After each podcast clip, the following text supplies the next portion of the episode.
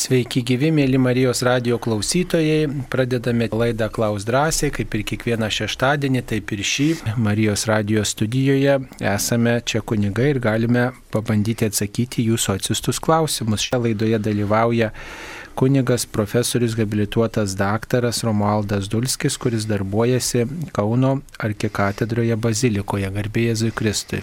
Garbė Jėzui. Tai prie mikrofono esu ir aš kunigas Saulis Bužauskas.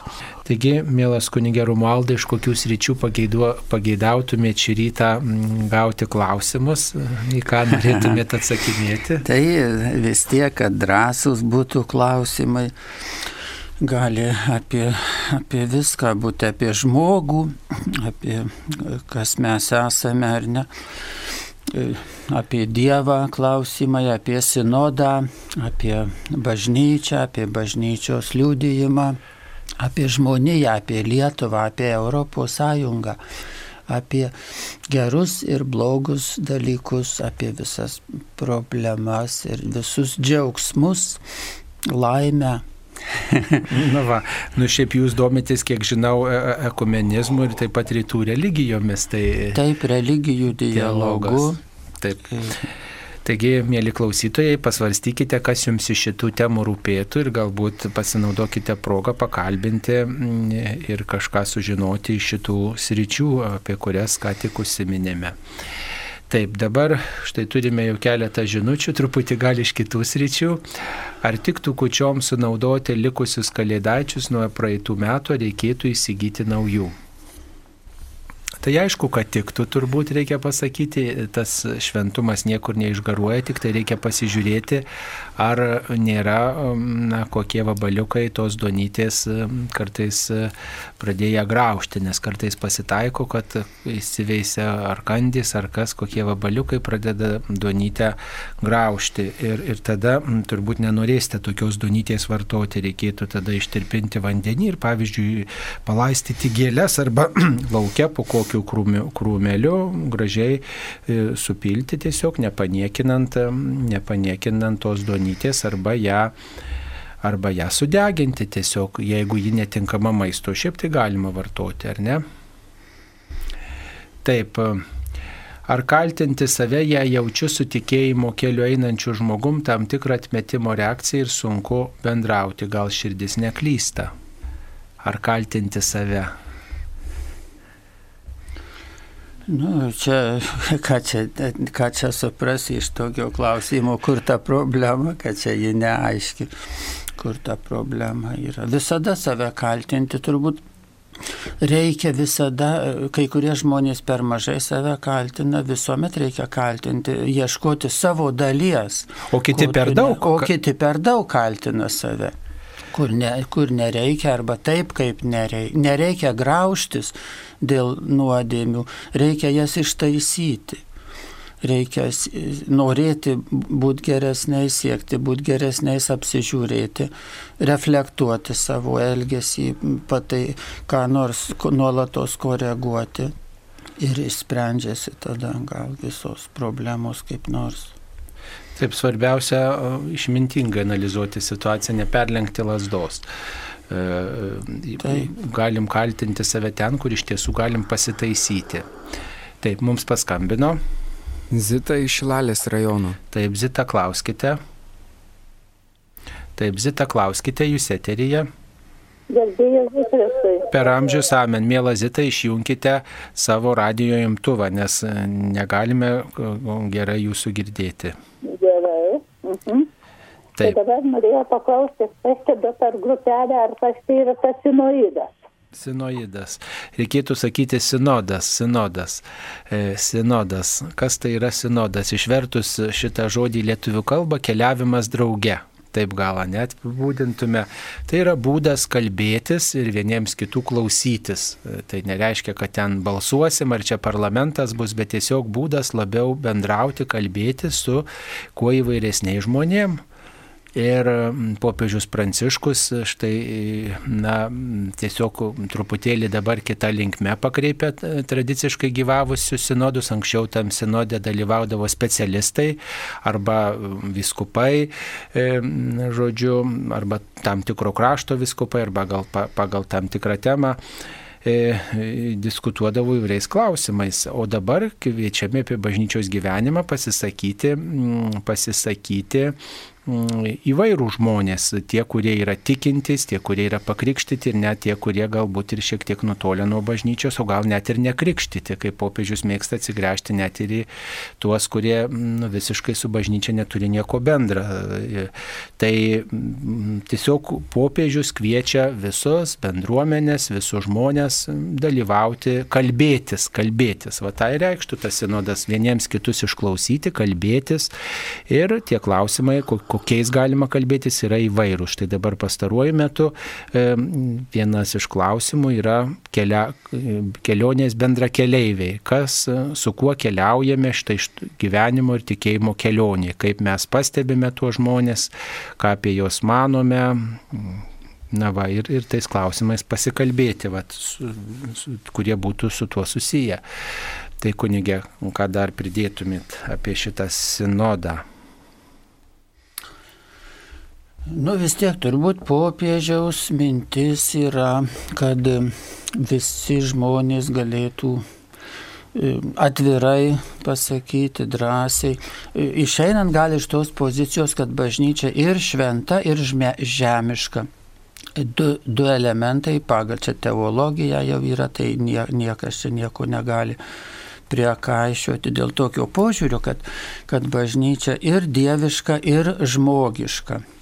Arba kaip vienas teologas pasakęs, yra tikėjimo bažnyčia ir istorijos bažnyčia. Jis nori pasakyti, kad viena bažnyčia yra, bet joje yra šventieji tie elementai, tai kas, tai kas šventa, kas, kas nuostabu, mokymas, kas, kuris veda į, į gyvenimo kokybę į asmenybės brandą ir yra žmogiški visokie trūkumai. Jie gali būti labai šokiruojantis, dideli, blogi ir gali būti tokie kasdieniai, kurie irgi trukdo, trukdo Dievui reikštis, trukdo žmogui skleistis. Ir dėl to, kad bažnyčioje yra tas žmogiškas elementas, tai baž...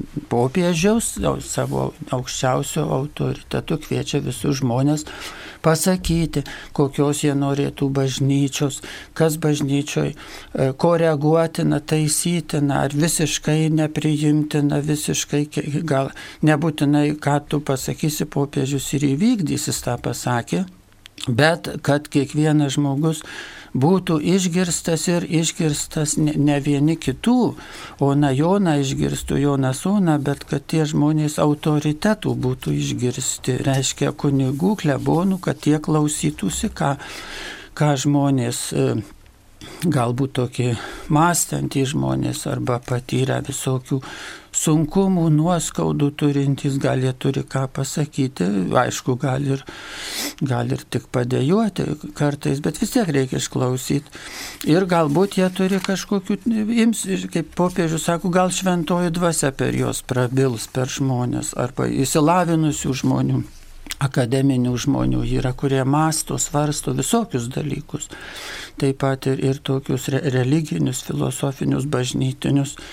Tai reiškia, kad vyskupai aukščiausių lygių visus žmonės galėtų išgirsti, o visi žmonės galėtų kaip kaip visaverčiai žmonės, kaip visaverčiai bažnyčios nariai pasisakyti, o aš manau taip, aš norėčiau taip ir nebijoti suklysti. Reiškia, negalim laukti, kad už dešimt metų mes subrandinsim tobulą, šventą, nepriekaištingą nuomonę. Tai už dešimt metų jau nebus sinodo. Jis yra dabar ir, mum, ir gyvenime, taip sakant, ta pozicija, kad palaukit, aš pagalvosiu ir paskui pasakysiu. Tai ir žmogus taip ir numiršta, be galvodamas nieko nepasakęs, to, ką galėjo pasakyti. Nu, toks niuansas yra mūsų ypač turbūt ir krikščioniškoje sferoje, nes laukiam, gal klebonas tegul pasako, gal viskupas tegul pasako, viskupai laukia, gal popiežius tegul pasakys. Mes neturim laiko, kada pagalvoti, mes administruojam, tvarkom viską tik tai. Tai iš tikrųjų e, mums reikia visiems žmonėms pasakyti, net to, kaip sakant, iki galo, tegu ir tai, mums atrodo, gal dar, nu, nesugalvojom taip tobulai, bet pasakyti, ką šiandien sugalvojom. Tai geriau vis tiek tas tas tegul eina, kaip sakytume, į eterį, tegul tas, tas pasakymas įvyksta, nu ir jis bręs vėliau, kiti žmonės padės brandinti, mes patys bręsime. Ir, bet šiandien gyvename, šiandien reikia pasisakyti, šiandienas nuomonės. Ir tegul tada jau popiežius ir su savo kokiais išminčiais patarėjais nusprendžia, kas ten iš Dievo dvasios, kas ne iš Dievo dvasios pasinaudoja tomis įžvalgomis. E, taip, e, iš tiesų tai tas svarbu, kad ne tik tai viskupai, popiežius ar klebonas girdėtų tą, ką mes sakome, bet ir kad mes vienas į kitą įsiklausytume. Tas, ta dialogo kultūra turbūt svarbi, jinai vien tik tai tam reikalinga, kad mes daugiau bažnyčią kaip bendruomenę suprastume, kad nebūtume tokie anonimai. Atėjau, pasimeldžiau ir einu namo, kad aš meldžiuosi su kitais, į kitus įsiklausau, manęs išklausau, va tas bendravimas turbūt svarbu irgi brolystės tas aspektas ir gal per sinodą e, mūsų bažnyčia pasidarys daugiau tokia broliškesnė arba tokios vilties, tokios svajonės yra, nežinia, ar tą, e, tą įgyvendinsime, tačiau yra tokia galimybė, kad mes vienas kitą priimtume labiau, vienas su kitu būtume ir, ir išklausytume, ką kitas varsto. Mums paskambino. Arūnas iš Kaišėdorių. Taip, Arūnai, klauskite. Aš norėjau paklausti, veiklių žmonių bendruomenė, aš esu pats katalikas, lankau tradicinę bažnyčią ir ten buvau pakviestas jų tokį, ten renginį, bet ten renkasi pas juos ir sekmininkai, ir ten tikėjimo žodis, ar, ar tai neprieštarauja mūsų, sakykime, ar bažnyčia mūsų toleruoja šitą, sakykime, veiklių žmonių bendruomenę. Ar tai... jie krikščio, nu, Nes ten įvairių, nesakykime, ir sėkmininkai, ten ir netikėjimo žodis. Ir... Taip, supratom, supratom, ačiū Jums. Tai aišku, kad toleruoja bažnyčia, e, taip sakant, ir, ir, ir neprieštarauja, kad bažnyčios nariai dalyvautų veiklių žmonių bendruomenės renginiuose. Ir ten žmonės liūdija, ką Dievas padarė jų gyvenime ir kaip jiem pavyko galbūt atsiversti, iš, iš kažkokių įdų pakilti ir kaip jie sugeba dėkoti Dievui, švesti, šlovinti. Tai ne tik tai veiklus vyrai, bet ir veiklų žmonės ir kartu ir jų žmonos dalyvauja. Tai žinoma, kaip ir kiekvienas judėjimas turbūt turi ir savo iššūkių, ir savo, savo sunkumų, ir savo džiaugsmų. Bet, bet tai yra tokia kaip ir ekumeninė bendruomenė, tai reiškia įvairūs krikščionys ten gali dalyvauti ir, ir klausytis e, liūdėjimo ir bendradarbiauti. Tai irgi vienas iš tokių dialogo būdų - tarpusavį kalbėti, sutarti. Mm, kunigė, gal ką nors pridėsite dar apie veikliųjų vyrų? Taip, nu, gera turbūt bendruomenė, jinai e, nu, kažkaip e, turi savo matyti tokį vaisingumą visuomenėje, kad e, tam, tikriu, tam tikrus žmonės nu, pritraukia ar prakalba į jų, į jų sąmonę, į jų širdis, į jų protus. Ir, ir tie žmonės į tokią gyvenimo kokybę ateina Dievą, Dievą suranda ir Dievo Dievo išmintį ir Dievo gerumą savo gyvenime pradeda tai praktikuoti, tai aišku, kad e, paskui turbūt tas augimas visur svarbu. Reiškia, mes nu, gaunam tas malonės, visi žmonės jomis džiaugiamės, jas, jas branginame, jas, bet jas turbūt reikia kažkaip puoselėti, tą, ką gauname, puoselėti. Dievas yra toks, kuris nu, augintojas, kaip Evangelijoje sako, grūdelis krito į žemę, jisai auga. Tai tos, tos malonės jos visuomet tas gal aš asmeniškai tą visuomet norėčiau pabrėžti, tą augimo, nu tokį matmenį krikščioniškame ir bendražmogiškame gyvenime. O kad mes, nu, Dievas yra begalinis, jo, jo dovanos, jo malonės, jos galbūt irgi taip labiau suvoktinos ne kaip statiškos, bet kaip dinamiškos kokybės, kurios turėtų aukti. Ir Dievas nu, turbūt džiaugiasi mumis, kai mes, kai mes augame, leidžiame toms, tiems grūdams, kuriuos jis mums metė į mūsų širdis, kurie įkrito kad jie ir, ir, ir skleistusi. Nu, reikia pasakyti, kad ekumenizmas ir krikščionių įvairių krikščioniškų bendruomenių, tas bendravimas, dialogas, šventės, buvimas draugė nereiškia savo tapatybės įsižadėjimo. Tai yra e, bandymas surasti, kad mes turim šitą bendrą ir tada vis tiek žmonės turi savo šaknis, savo identitetą, savo tapatybę išgyventi.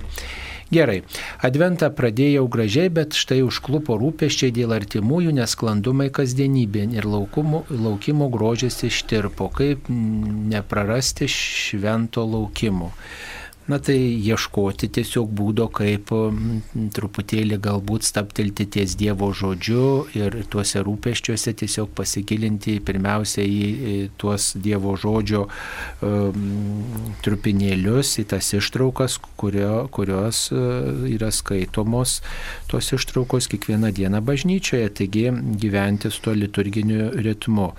Nu, aišku, galima taip pat ir skaityti galbūt daugiau ir Izaijo knygą, galbūt paimti kokią tikėjimo knygą, galbūt mm, paskaityti, paklausyti Marijos radio laidų, e, ypač kurios susijusios su adventu, ypač advento katechezės yra vat, tos tokios šio laikotarpio, šio laikotarpio temoms skirtos, kurios transliuojamos 9 val.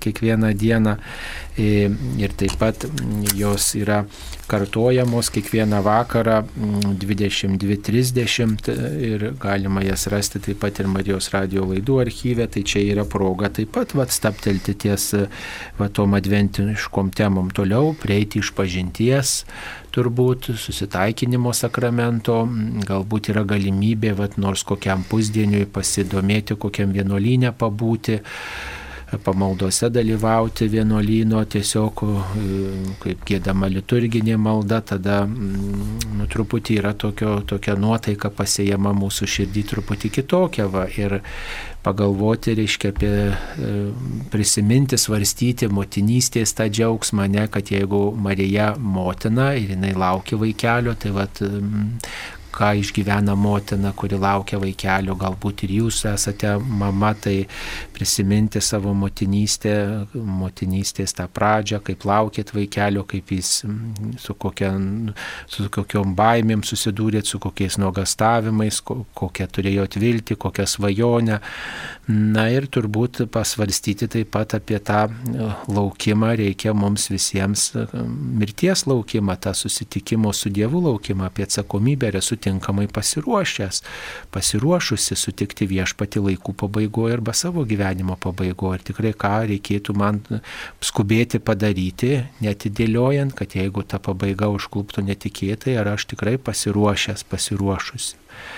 Na tai čia tiesiog rankioti iš kasdienybės, iš tų rūpeščių tuos ramybės trupinėlius, sakyčiau, kad kaip tarsi salelės, branginti tylą, branginti tokį atsvarstymą. E, e, gal, pavyzdžiui, jūs suraskite, pasidomėkite, kada jūsų parapijoje arba artimiausioje bažnyčioje yra rarotinės mišios, rarotinės tos pamaldos, kada gėdamos Marijos valandos, tas dalyvavimas irgi pasėja tokią adventinę nuotaiką apmasto, padeda apmastyti mergelę Mariją jos, jos savybės, nes jie svarbu žmogus, kuri laukė e, gimstančio mesijo tarsi aušra, kuri štai primena, jog ateina diena. Taip, mums paskambino. Jonas iš Vilniaus. Taip, Jonai, klauskite. Mano garbė Jėzus Kristus. Per amžius. Noriu, noriu tiesiog sužinoti aiškiau poziciją dvasininkijos šiuo metu labai aktualių klausimų, kada valdančioji šiuo metu valdžia, vadinkim, dauguma ir vyriausybė, ir Seimas, ir įvairios, kaip sakyti, kad tarnybos trukdo rinkti parašus žmonėm, kurie siekia suaktyvinti pilietinę visuomenę, piliečius, kad galėtų spręs klausimus gyventojai surinkdami šimtą tūkstančių parašų. Šiuo metu, nors Lietuva jau prarado milijoną gyventojų, grubiai tariant, vis tiek yra kartelė pakelta 300 tūkstančių. Šiuo metu yra supriešinama. Valdžioje daug tokių laisvamanių, kurie vertybės yra antroje eilėje, žiūrima visai kitų interesų, kiek aš suprantu. Šiuo metu aš manyčiau, kad dvasininkė, mano požiūrį, norėčiau išgirsti jūsų, kad vis tik bažnyčioje dvasininkai turėtų skatinti žmonės paaiškinti, kad čia ne valdžios nuvertimas, ne kokių tai naujų pakeitimų, bet tiesiog suaktyvinti pilie, piliečius, kad jie dalyvautų valstybės gyvenime, matydami blogumus ir taip toliau. Nu, kad ir pavyzdys. Paskelbė vieną dieną, kad reikia kaukės nešioti tik tai medicinę. Šiuo metu aš kaip verslininkas, jeigu įmonė turi nusipirkus 10 tūkstančių kaukės. Niekas nesvarstė nieko kaukės kokybiškos, bet ne medicinės. Ir taip toliau. Galima bet kokį referendumą. Žinot, pasaulis, Europą žino, nors ir ne Europos Sąjungos šalis Šveicarija dažnai daugelį klausimų sprendžia referendumu. Ir tuo pačiu manyčiau, kad sustiprintų visuomenė, ir pilietiškumą, ir nuoširdumą visai. Laukčiau pagalbos, nes dabar iniciatoriai to referendumo gal irgi klaidingai kartais agituoja, kad čia nurodydami valdžios blogumus. Šiuo atveju pati čia dvasininkė galėtų labai aiškiai krypti duoti ir padėti žmonės paskatinti, kad visi pasir... nes liko iki sausio 21 dienos nedaug. O šiuo metu, kaip sakyt, valdantieji visokiojopai stengiasi trukdyti televiziją, neįleidžia. Taip, su, supratome, mūsų... supratome. Ačiū už jūsų mintis. Na tai e, kaip galėtume reaguoti, tikriausiai, tikriausiai jūsų tie lūkesčiai, kad piliečiai turėtų būti aktyvų savo valstybės nariai, dalyvauti e, ir veikti valstybės gyvenimą yra visiškai teisinga. Tai yra tikrai svarbu, kad, kad ne kiti kažkas už mus nuspręstų, bet mums visiems rūpėtų mūsų valstybės gyvenimas ir kad mes norėtume norėtume veikti kažkaip valstybė, na, valdančiuosius ir ypatingai tas veikimas turbūt pasireiškia, kai yra nu, Seimo rinkimai, kai yra prezidento rinkimai, tai kad žmonės aktyviai dalyvautų, už tai aktyviai dalyvautų. Čia pirmiausia, visos kitos iniciatyvos, nu tai kiek jos e, yra pagal įstatymus, tiek jos palaikytinos, turbūt o bažnyčia, jinai siksnos įkio turbūt bažnyčios vadovai pareiškia, reiškia savo, savo poziciją. Žinot, kai ten per daug, reiškia, politiniai, pilietiniai klausimai bažnyčioje yra svarstomi, nu, tai yra didžiulis pavojus, kad mūsų pirminė misija, Dievo žodžio skelbimo misija, nueis į antrą planą.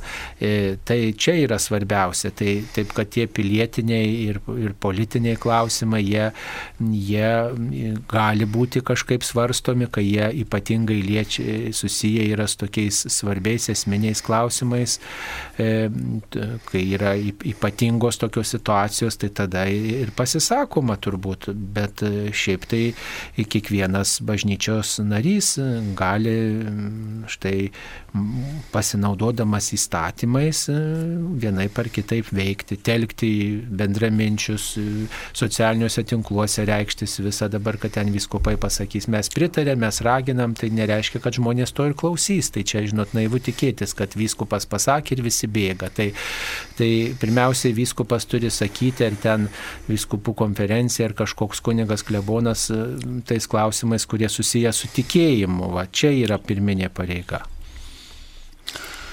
Taip, čia ir tas e, pilietinis aktyvumas tai yra tikrai labai svarbi e, dorybė, labai būtina ir Ir matome daugybę pavyzdžių pasaulyje, kur Martinas Liuteris Kingas, pavyzdžiui, pastorius buvo kunigas, sakytume, protestantų ir įsitraukė į tą segregacijos e, problemą Amerikoje. Ir niekas jo ten neragino, jokie vyskupai, niekas, jis, jis tiesiog kaip Dievo įkvėptas ir mm, į, į socialinę problematiką, bet nu, tai bažnyčia negali iš tikrųjų nusišalinti nuo žmonių problemų. Ir čia reikia ir vėl tą bažnyčios žmogišką į aspektą turbūt irgi taip suvokti, taip ramiai, išmintingai, kad viskupai yra žmonės ir jie, jie irgi jie galbūt išvelgia arba neižvelgia, ko nors padaro, kas reikalinga, arba ir nelabai padaro.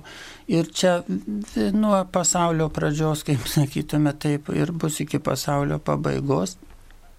Ir negalim laukti, kad, kad sakykime, bažnyčios autoritetai viską atliktų arba viską nurodytų, arba kad jie, nu, norim, kad jie būtų labai išvalgus, labai išmintingi, labai kūrybingi, atsakingi, bet e, tas nor, tie norai teisingi, tačiau arba iš kunigų žmonės taip pat to nori visokių, vis, kad jie būtų tokie to, tobuli, labai O, nu, bet reikia suprasti kitą, kad tie trūkumai, jie irgi yra mūsų tikrovė.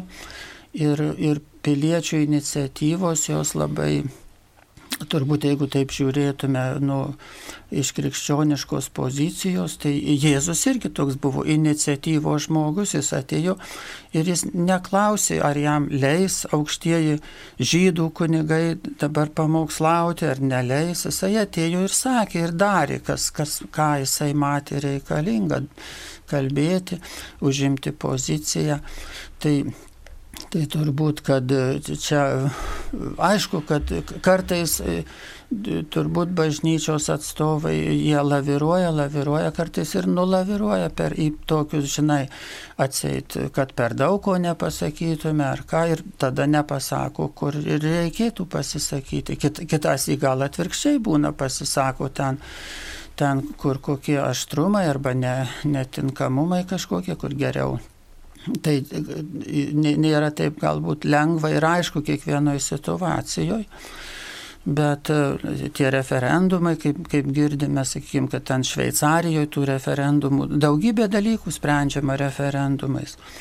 Tai, tai aišku, kad Lietuvoje galėtų būti. Ir, ir aišku, kad valdžios žmonės irgi, jeigu jau, tai negalim laukti, kad jie kažką už mus padarys. E, bet žinoma, kad kad reikia visuomet būdėti, kovoti, reikalauti skaidrumo politikoje, atsakomybės, aiškumo e, ir yra tie kažkokie tai interesai, grupių interesai, kurie nedeklaruojami, neafišuojami, tai nereik būti naiviais. Per daug tas blogis egzistuoja ir, ir pilietinės iniciatyvos jos jos, nu, iš esmės, tai turbūt jos yra krikščioniškos arba tokios Dievo įkvėptos. Net jeigu žmonės ką nors ir suklysta toj pilietinėse iniciatyvose, tai vis tiek geriau iniciatyvumas negu, negu sėdėti, rūkti, nieko nedaryti ir laukti, kad padarys kas nors kiti valstybės autoritetai išrinktieji, kurie yra tokie pat žmonės.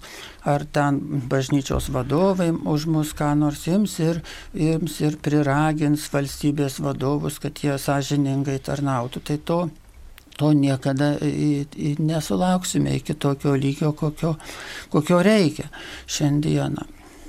Taip. E, tai toliau žiūrime, kokios žinutės mums atsiustos. Atrodo, kad Marijos radijuje, radijuje girdime naują operatoriaus balsą. Gal kunigas Saulis jį mums pristatytų. Taip, iš tiesų mūsų klausytojai labai pastabus yra e, ir tikrai mūsų, mm, mūsų eteryje yra girdimas e, naujas operatorius, naujo operatoriaus balsas, tai yra Matas Kaunietis e, ir, ir gimė gimęs Kaune ir gyvena Kaune, pavardė labai aiškiai apibūtina žmogaus kilmę šį kartą. Ir, mm, na ir kągi, tikrai balsas jo tinkamas eteriui ir, ir tikrai maloniai įsijungia į mūsų bendruomenę, nes čia kai kurie mūsų operatoriai truputį turi tokių iššūkių, žodžiu, tai kartais, e, žodžiu, taip sakant, yra problemų, dėl, dėl visokių šeiminių aplinkybių ir taip toliau, tai, tai mums kartais būna striuka. Tai dėl to štai priimtas naujas žmogus ir kai jau svarstome apie mm, naująją studiją, e, naujosios studijos darbo paleidimą, tai žinot, mm, ten reikia dar irgi daug tokių paruošiamųjų darbų. Mm, tai tas naujasis operatorius kaip tik tai ir talkina tuose paruošiamosiuose darbuose, kad naujoji studija galėtų pradėti veikti veikti. Taigi e, šiuo metu, mėly Marijos radio klausytojai, tie darbai vyksta labai pamažu, bet vyksta. E, reikia tiesiog visiems mums suprasti, kaip veikia naujos programos, kad galėtume tinkamai jas valdyti. Ir e, dabar tas procesas vyksta paraleliai, jeigu šalčiai, šalčiai nesutrukdys, vyks dar tokie užbaigiami pirmieji darbai statybų srityje. Laukiame, kol bus pagamintas naujasis koplyčios altorius ir atvyks suolai ir taip pat pagerinta koplyčios akustika, žodžiu, tai visi tie darbai pamažu juda, bet ne taip sparčiai, kaip norėtume ir vis tie terminai nusikelia, kada galėtume pamažu ten kraustytis. Šiaip jau įvairius daiktus pamažu jau gabename, knygas ir panašius dalykus. E, tiesiog ruošiamės, ruošiamės, bet labai pamažu tą naująją studiją, taip sakant, paleisti darbui ir iš jos transliuoti laidas. Tai ačiū, kad jūs rūpinatės, smagu girdėti. Taip, mums paskambino. Teresė iš Vilniaus. Taip, Teresė, klauskite. Gerbėjai Kristus. Per amžius. E, norėčiau paklausti svečio, e, kur reikėtų kreiptis man, ieškant sinodė bendra keleivių apie e, lotynų kalbos, bažnytinės kalbos e, dabartį ir ateitį. E, dabartis gana liūdna, todėl kad e, kunigai kažkaip tai neatsinaujina, daro klaidas, e, kartais e, nu, nepasižiūri ten, kur reikia. E, ar girdite mane? Girdim, girdim. Taip, taip. E, kažkaip kažkoks garsas atsirado. Ir dabar konkretus, e, ir koks likimas latinų kalbos ateityje. E, pirmas buvo, kur apie tai man kalbėti sinode, ir kitas, aš klausiau e, praeitą kartą, kodėl e, lotynų kalbos tarimas tradicinis tarimas, bažnyčios, tai, įsitvirtinęs bažnyčiai e, yra e, pakeičiamas itališku. E, ir e, Regina, Čelio ir taip toliau. E, gal kartais ir Jėzaus vardas bus itališkai tariamas, jeigu taip. Ačiū labai už e, jūsų e, profesorio nuomonę. Ačiū už klausimą. Va taip, žiūrėkim dar toliau. Anksčiau prieš, kas buvo, kai Jėzus vaikščiojo, jis nekalbėjo lotyniškai. Ir e, tą reformacijos laikais, bet ne tik refor, tie, kurie įvykdė reformaciją, bet vis daug buvo 16 e, amžiuje katalikų, kurie kada buvo įsigalėjus lotynų kalba Europoje ir ne tik bažnyčioje, bet universitetuose. Taip pat visi universitetai funkcionavo lotynų kalba, žmonės mokėsi lotyniškai ir mokėjo lotyniškai, raštus rašė, valstybinius raštus lotyniškai ir bažnytinius. Tai lotynų kalba buvo įsigalėjusi Europoje. Ir Ir tuomet atsirado 16 amžiuje, žinai, kad nu, žmonės jau, reiškia, vieni supranta, kurie mokyti, e, kunigai, bet ir visa inteligentija, jie supranta lotiniškai. Bet kiti žmonės, kurie visokie e, nestudijavę, ar net neraštingi, jie, jie mokėdavo gėdoti lotiniškai, bet nesuprasdavo, ką jie ten gėda Ir tada atsirado ta idėja išverskim Bibliją į nu, kalbas, kuriomis kalbame, ne į lotynų, nes būdavo irgi net ir, net ir Biblija skaitoma lotyniškai, kunigas paskui paaiškina, kaip moka savo kalbą žmonėms. Bet Ir tada tas, tas iškilo, reiškia, tas ir, ir atsirado argumentas, sako, ar Jėzus kalbėjo lotyniškai. Jau čia toks galų gale, kai, kai reiškia susipriešinimas įvyko, vieni sako, tai kaip čia turi viskas būti lotyniškai, Biblija turi būti tik lotyniškai. Negalima išversti į kitas kalbas. Kas čia bus, jeigu išversim dabar arba mišes į tautinės kalbas, kokia čia, žinai, palaida bala pasidarys. O tai, tai argumentas buvo tas, kad pažiūrėkim, kokia, koks buvo lotynų kalbos statusas Jėzaus ir apaštalų laikais. Jie visiškai nefigūravo tenai.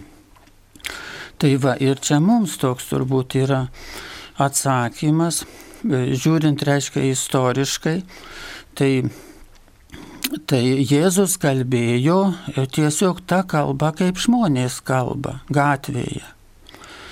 Va, ir, ir, ir mes dabar, nu, gali, galėjo tada būti ta lotynų kalba. Jeigu dabar mes į ją įsitvėrę laikytumėmės, ji, ji šiek tiek funkcionuoja kur nors bažnytinėse ir nebažnytinėse sferose, bet ji jau, kaip sakytume, praradusi iš tikrųjų savo aktualumą ir ji su Evangelija, nu, tokį turi tik istorinį sąlytį, absoliučiai neesminį.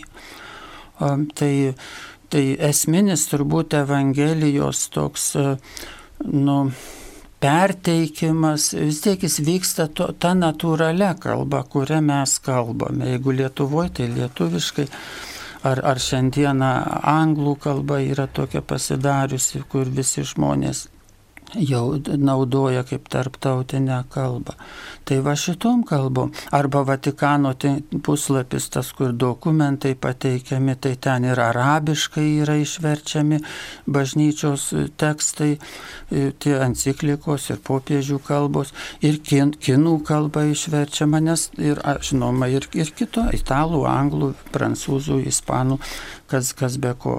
Be, reiškia, tomis kalbomis, kuriomis žmonės kalba. O dirbtinai pasidaryti, ai kaip gražu dabar lotyniška liturgija. Čia truputį toks žaidimas yra, su, nu, jis gali ir galima ir pažaisti, kodėl ne, galbūt.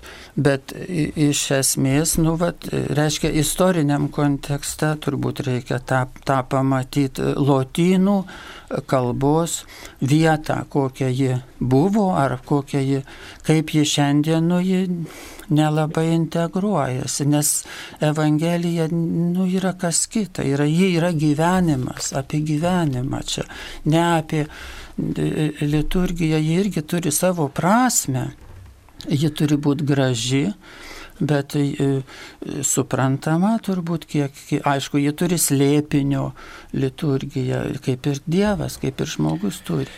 Taip, ačiū. E, dar viena žinutė teko klausytis profesoriaus laidos apie Senojo testamento Danieliaus knygą. Ar bus tesinys? Tai kunigė, bus tesinys kunigo Danieliaus knygos, kurią komentavote. Nu, ten kiek, kiek atsimenu, buvo dvi laidos turbūt iš Danieliaus, tai e, jei pirma ir antra atrodo.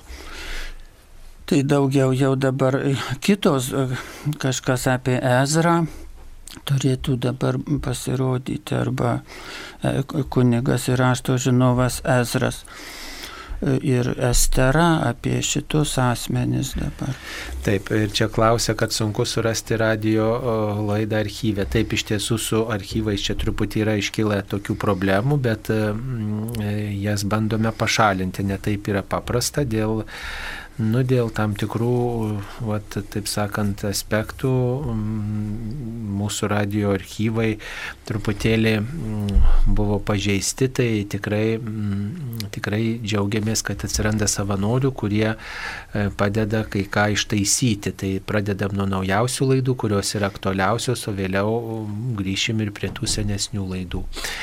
E, taip, dabar dar viena žinutė yra apie kanos vestuvės ir pirmas stebuklaukas, ta kana ar mergina, ar vietovė, ar kaimas, o, o vynas tai džiaugsmas, kurio trūksta mūsų šeimose. Taip, tai kana yra vietovė, miestelis Galilėjoje ir ten tome miestelėje dalyvavo Jėzus surinktose vestuvėse ir vandenį pavertė vynu. Ir taip pat dar yra viena vienas epizodas, kai Jėzus dalyvavo Kanoje mm, ir e, apsilankė Kanoje ir taip pat e, išgydė valdininko sūnų. Ir taip pat iš Kanos buvo kilęs e, Natanaelis, vienas iš dvylikos Jėzaus mokinių. Taigi tai ne, ne mergina, bet vietovė Galilėjoje. O vynas tai yra džiaugsmo ženklas. Taip, tai dar viena žinutė, kuo pagristas garbės liepinių penktasis liepinys mergelė Marija vainikuojama dangaus ir žemės karalienė. Um, kuo yra pagristas? Na tai pagrista tuo, kad Marija gerbiama kaip Dievo motina, kaip ypatingas žmogus. Ir yra ir, taip sakant, tekstai prieškimo knygo, kad tai moteris apsisiautusi saulę, žodžiu, ta, kuri, e, kuriai reiškia taip pat ir visa kūrinyje lenkėsi kaip ypatingam žmogui, kaip ypatingam asmeniu išgelbėjimo istorijoje. Va, be to yra ir apreiškimai e, mergelės Marijos, kuriuose ji e, tiesiog gerbiama ir, ir, ir na, save pristato kaip tas ypatingas žmogus, kuri e, užtarė visą žmoniją visose reikaluose. Na, Kristus irgi va karalium tituluojamas, taip istoriškai tai jis joks karalius nebuvo gyvendamas žemėje, bet veikiau atvirkščiai, buvo toks visiškai, be, kaip sako, neturėjau kur galvos priglausti. Tai, tai toks keliaujantis pamokslininkas, bet mes jį tituluojame Jėzų karaliumi nes jis nu, Dievo sūnus, tai, tai kaip karalius visos visatos, tai čia toks, nu, tokia perkeltinė ar mistinė prasme pasakytume. Ir Marijos turbūt tą reiktų kažkaip suvokti, kad čia tokia dvasinė prasme į karalienį, arba kad jį, e, sakykime, nu Dievas, sakom, visa galis, tai reiškia čia ir toks karališkumas, ir, ir Marijos tos malonės visokios, ką žmonės iš, išmeldžia, ką gauna, tai tarsi, žinai, nu, tokia jos gale didžiuliai pasireiškia, o, o gale jau, nu, galima sieti, kad čia toks karališkumas, daug turėti galę. Tai tinka, tinka gal va, taip tas, tas titulas karalienės. Na tai jūs pasiskaitykite apreiškimo knygos 12 skyrių nuo 1 iki 6 eilutės ir ten tikrai atrasite tai. tą ištrauką, kurią bažnyčia remiasi pristatydama šį slėpinį. E, taip, kaip jaunimui papasakoti apie Dievą? Nu, labai sudėtingas klausimas. Papasakoti apie Dievą taip, kaip suprantate, taip, kaip tikite, dalintis tikėjimo patirtimi ir pasakoti įvairius liūdėjimus, parodyti bendramžių liūdėjimus tiesiog ir, ir pasakoti savo patirtį, ne kodėl jūs tikite. Va. Ir, ir per artimo meilę tas pristatoma. Na, taip. E, ar namuose turėti knygas apie karmą, astrologiją, e, jos skaitytos senai, ar stabų garbinimas, ar jas išmesti, ar kam atiduoti. Taip, jas reikia išmesti. O jeigu skaitėte, gilinotės, tai vis dėlto apie tai reikia, na, išpažinti, turbūt pasidalinti, pasakyti. E, jeigu to nepadarėte, būtinai tą pasakykite, kad skaitėte knygas ir kokiu tikslu skaitėte tas knygas apie karmą, astrologiją ir panašias. Jas laikyti tikrai nepatartina, kaip ir bet bet kokius stabus krikščionių laikyti savo namuose būtų vis dėlto netinkamas kelias. Net jeigu tai yra suvenyras ar panašus dalykas, vis dėlto tai reikia nu, geriausiai yra sunaikinti. Taip, kaip turėtume švęsti kučias, kada artimieji jungia televizorių, nes tą kučių vakarą rodo įdomias laidas, pokalbė apie kučias kalėdas, o kur Jėzus, kur jo gimtadienis, daugiausiai būna užmirštas, kaip būtų ne jo gimtadienis. Na tai jeigu melžiatės prieš kučias, dalinatės kalėdaičių, va, Jeigu vienas kitam linkite ramybės ir sveikinate su šventom kalėdom, su Jėzaus gimtadieniu, linkite viešpaties palaimos, tai jau yra Jėzaus gimtadienio šventimas. Aišku, per kučių vakarienę nereikėtų žiūrėti televizoriaus. Po vakarienės pa, pasivaišinus, tai tada galima turbūt. Į mišes nueiti, į piemenėlių vamišes. Di dievas, aišku, kad Dievas, kai kalėdose ir gyvenime, Dievas pirmoje vietoje, prioritetas. Arba tada ta krikščionybė, ji visuomet velkasi iš paskos, kaip penkta, penkta koja, reiškia mūsų gyvenime, kažkoks priedas, truputėlį, kažkas truputėlį, bet nu, iš tikrųjų tai Dievas ir bažnyčia ir tikėjimas ir kas tik nori moko, kad Dievas būtų pirmoje vietoje, o ne penktoje mūsų gyvenime. Pirmoje. Ir tos kūčios tik, tik nėra pagrindinis dalykas, iš visų galite ir visai jų nevalgyti, aš pasakyčiau, bet eikite į bažnyčią, geriau ten pamedituokit, pasimelskit, iš tikrųjų eikit Eikite į Dievą pasinerti, tos dienos, tegu būna dienos su Dievu, kučių diena, kalėdų diena, dienos su Dievu. Tai čia ir visas gyvenimas su Dievu, o viską paversti ten, ten plot kelią, suvalgiau, tai didelis dabar katalikas dėl to esu. Tai čia tik priedas, nu, čia gražu, tradicijos gražu. Bet tradicijos jos tegul seka iš paskos mūsų tam gyvenimui su Dievu, mūsų, mūsų troškimui, į, troš, trokšti dieviško gyvenimo, trokšti jo, Dievo trokšti.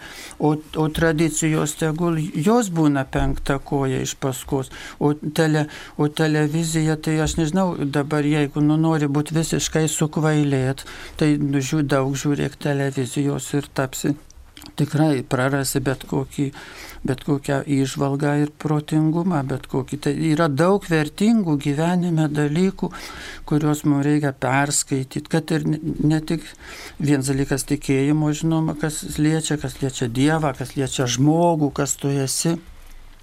Aišku, ir kitų įvairiausių mokslo sričių, kiek savo, pro, savo profesinę kompetenciją, kokią turime tobulinti, lavinti ir savo tą sąžiningą gumą kažkaip gyvenime, kad sustiprinti. Tai daugybė, mums kaip asmenybėm reikia aukti, lavintis, o, o ir tų dalykų ieškoti, ir čia tokia sveika pastanga kiekvieno žmogaus, koks jis bebūtų, kad ir labai paprastas žmogus, bet jis yra tam pašauktas. Nu, tai matot, jūsų tas buvimas ir artimo meilė, net ir tiem žmonėms, kurie nelabai tiki, nu, irgi parodys, kad jūs švenčiate Kalėdas ir kad Dievas ateina pas visus žmonės. Dar panašus klausimas, ar reikia po kučių vakarienės palikti uždengtą stalą iki ryto. Tai yra iki krikščioniškas paprotys palikti e, vaišes nakčiai ant stalo e, su krikščionybė nelabai turintis ką bendro. Tai va taip atsakytume. Tai jūsų pasirinkimas čia yra. Nei reikia, nei nereikia. Tiesiog tai su tikėjimu nėra nieko bendra su krikščionišku tikėjimu. Tai paliksit, bus palikta, nepaliksite, nebus, e, nurinksite. Svarbu, kad nesugestų maistas, va taip būtų, nes maistą sugadinti ir išmesti tai yra nuodėmi. Mums paskambino. Klausytojai iš Ukmergės. Taip, klauskite. Sveiki, gyvi broliai Kristoje. Sveiki. Jūsų klausimas, jūsų klausimas. Ne, klausimą toliau vėliau pasakysiu, man labai patiko profesoriaus Romualdo tokios mintis, nes mano sesė, sako, tik vailiai knygas skaito, jinai rytą vakarą prie televizoriaus sėdinė sesė, nu, burtai susijima ir ekstracentais tiki. Tai čia tik tais pajokausiu gailą savo giminės, nes labai sumaterė. Mėloji, gal, gal jūs klausimą užduokite klausimą. Klausimėlis dabar girdėmėjai, klausimėlis. Šiandien yra pasaulinė tango diena. Kristų reikia garbinti gesmėmis, ne ten šokiais, ten ką, nes esu išjokta vieno kunigo, nesakysiu teologo. Taip, jūs dabar kokį tai klausimą tai užduosit? Kokį klausimą? Gerbiamas kunigė Saulė, o ką man dabar eiti rūkyti ir gerti, kurio nepripažįstu nei alkoholio, nei rūkalų, tai yra Tai yra, kaip sakant, velnių išmislas tik. Taip, supratom, yra supratom jūs. Ačiū, ačiū, supratom, kad jūs nenorit nei rūkyti, nei gerti, tai to ir nedarykite. Jeigu patinka, reiškia, Dievą garbinti giesme ir, ir malda, tą ir darykite. Gerai, ačiū Jums, Dieve laimink Jūs ir visus tuos žmonės, kurie su Jumis. Tai per mišes pakilėjimo metu, kada pakeliama ostija, kaip elgtis, ar reikia maldą kalbėti, ar akis nuleisti, ar išvenčiausiai žiūrėti. Tai yra įvairios tradicijos, turbūt reikia pasakyti, ar ne kunigė, kad e, e, anksčiau taip jau bendra tokia tradicija yra, kaip mokom vaikus e, pirmai komunijai ruošiam, kad į pakeltą ostiją reikia pažiūrėti ir savai žodžiais pagarbinti viešpatį, kurio čia mirtis ir prisikėlimas yra sudabartinami. Pagarbinti, jeigu neteina jokios mintis, tai sakyti, garbinkime švenčiausiai sakramentą arba garbėtau Jėzau. Arba mano viešpats ir mano Dievas. Taip, vat, e, anksčiau kai kuriuose parapijose net ir balsu tą žmonės išmokyti sakyti, bet geriausiai tyloje, turbūt daugumoje parapijų tyloje tą pasakyti. Kadangi, e, kaip sakytų, par, čia tas, kad pakelia parodyti, tai logiška, kad mes žmonės pažiūri, nes pakėlėjimas yra tam, kad parodyti žmonėms. Va, tai pažiūri, o po to galbūt, kaip sakytume, lik iš pagarbos nuleidžia žvilgsnį, nes čia yra Dievas. Ir galbūt ta tyla, kad bažnyčioje oficialiai, sakysim, va tokia tyla tuo metu yra, tai reiškia, kad jokie žodžiai nepajėgus išreikšti to atitikti tam momentui arba tai akistatai su Dievu, galų gale žmogus prieš Dievą, kai pajunta jo šventumą, jisai nuščiūva ir nebelieka ką sakyti, nes tai yra tokia, tokia ta šventumo pilnatvė, to gėrio tokia akistata, kad jau bet kokie žodžiai tik trikdytų atrodo. Nu čia tokia galima taip interpretuoti ir turbūt taip geriausia tokia interpretacija. Reiškia, tyla, ji nėra tuščia, bet ji kaip tik labai intensyvi liturginė tyla ir, ir per pakilėjimą ir kita tyla, sakykime, kur yra nurodyta, kad kunigas sako melskimės ir tokią trumpą pauzę padaro. Tai ta pauzė nėra tuščia, bet reiškia, kad mes savo širdis pakeliam toj tyloj arba adoracija tyloj, tai reiškia, kad jau žodžių nėra tokių, kuriuos galėtume pasakyti, bet kokie žodžiai ištarti bus per menki. Nu, vat, Taip, čia problema turbūt, kad mes nežinom, ką per tą tylą daryti ir yra daug tokio vidinio triukšmo, bet e, štai yra tie žodžiai švento rašto, mano viešpats, mano Taip, Dievas arba Jėzau, tu čia esi, kurie padeda mūsų tą triukšmą, vidinį triukšmą, visokias blaškančias mintis suvaldyti, o paskui kunigas nuleidžia ostiją ant altoriaus, padeda e, pakėlęs ją, padeda ant altoriaus, tai m, tiesiog tada mes nu, linktelimi pagerbdami viešpatį. Taip, kuriuom kalėdų laiko laikotarpio dienom katalikų bažnyčiose nebūna mišių. Čia reikėtų, būna kiekvieną dieną šventos mišios įprastai bažnyčiose, tačiau reikėtų pasidomėti konkrečia bažnyčia, kada ten e, galbūt kunigas išvyksta į kitą parapiją, jeigu kelias parapijas aptarnauja, tai m, nėra tokios dienos nustatyta. Tai yra tik tai viena diena metuose, kada nebūna šventų mišių, tai yra didysis penktadienis, būna tik tai kryžiaus e, pagerbimo pamaldos, o mišios neaukojamos aukojamos, o šiaip tai kiekvieną dieną mišios aukojamos, o šiaip tai reikia domėtis konkrečia bažnyčia, kaip ten pamaldos organizuojamos. Kas jums pačiam atrodo labiausiai bažnyčioje keistina? Čia turbūt sinodo, kaip sakant, kontekste. Kunigė gal vieną kitą mintį trumpai, pasistengim trumpai, nes daug klausimų. Nu, man atrodytų, kad yra pribrendę, yra rotacija aukštųjų pareigūnų bažnyčios kaip ir pasaulyje, dėl ko yra prezidentų ir premjerų rotacija, dėl to, kad taip valstybės išvengia korupcijos arba autokratinio valdymo. ir bažnyčioje būtų daug naudos rastųsi, jeigu būtų rotacija, būtų išvengiama išvengiama įvairių turbūt tokių trūkumų ir atsiskleistų įvairiopi talentai besikeičiančių aukštųjų ganytojų, kas būtų nauda visai Dievo tautai. Ir va, Tai ačiū už šitą mintį. Šiaip tai a, turėtų gal neįmanoma to įsakyti, bet reikėtų mums daugiau tokio kalbėjimos ir broliškumo turbūt ir ieškoti naujų būdų, kaip susikalbėti su tai žmonėm, kurie atitolsta. Ir dar viena tokia žinutė panaši yra kaip koks taisyklingas žodžio sinodas kirčiavimas. Taip reikėtų kirčiuoti sinodas sinode. E, tai yra taisyklingas kirčiavimas pagal žodynus. Sinodas, sinode. Taip mums paskambino. Albina iš daugų. Taip, Albina, klauskite. Albina, klauskite, jūs eteryje. Albina, au. Taip, Albina paskambins vėliau e, ir pasi, pasakys mums, kaip išlaisvinti iš apsileidimo kaip išsilaisvinti iš apsileidimo, būdama jaunesnė nenusėdėdavo vietoje, vis norėdavau tvarkyti namus, o dabar esu apsileidusi. Nu kągi, tai pamažu tvarkyti, turbūt nustatyti savo dienotvarkę, vieną dieną sutvarkau tą kertę, kitą dieną tą kertę ir pasidžiaugti, kad štai sutvarkiau ir stengtis tvarką palaikyti. Savo sielą pirmiausiai kažkaip tie tvarkymai, jie turėtų nu, nueiti į antrą vietą, tolimesnę pirmoji vietoje rūpesti sielą Dievu. Ir kai Dievas pirmoji vietoje malda ar mišiose dalyvavimas, tai duoda tokio kažkokio tai malonė, galbūt veikia taip pat žmogui kažkaip jis ima suprast, kaip galima, nu, paprasčiau tą būtį sutvarkyti ir sėkmingiau. Čia ne tik, kad apsišluot kambarius, bet ir įvairius sudėtingesnius būties dalykus įsigyti ar pakeisti, ką nors reikia. Tai du, turbūt ar bendrauti su žmonėm, kas da, daug svarbesnis dalykas. Tai kai pirmas dalykas prabudus ir paskutinis užmiegant ir pradedant dieną ir pradedant adventą ir pradedant metus ir visuomet yra Dievas, mūsų santykis su Dievu. O kiti dalykai tada jie gauna kažkokios tai palaimus iš to. Mes patys imam suprast, kaip kitus dalykus tvarkyti. Taip, dar viena žinutė. Ar tėvų nuodėmės atsiliepia vaikams ir anūkams?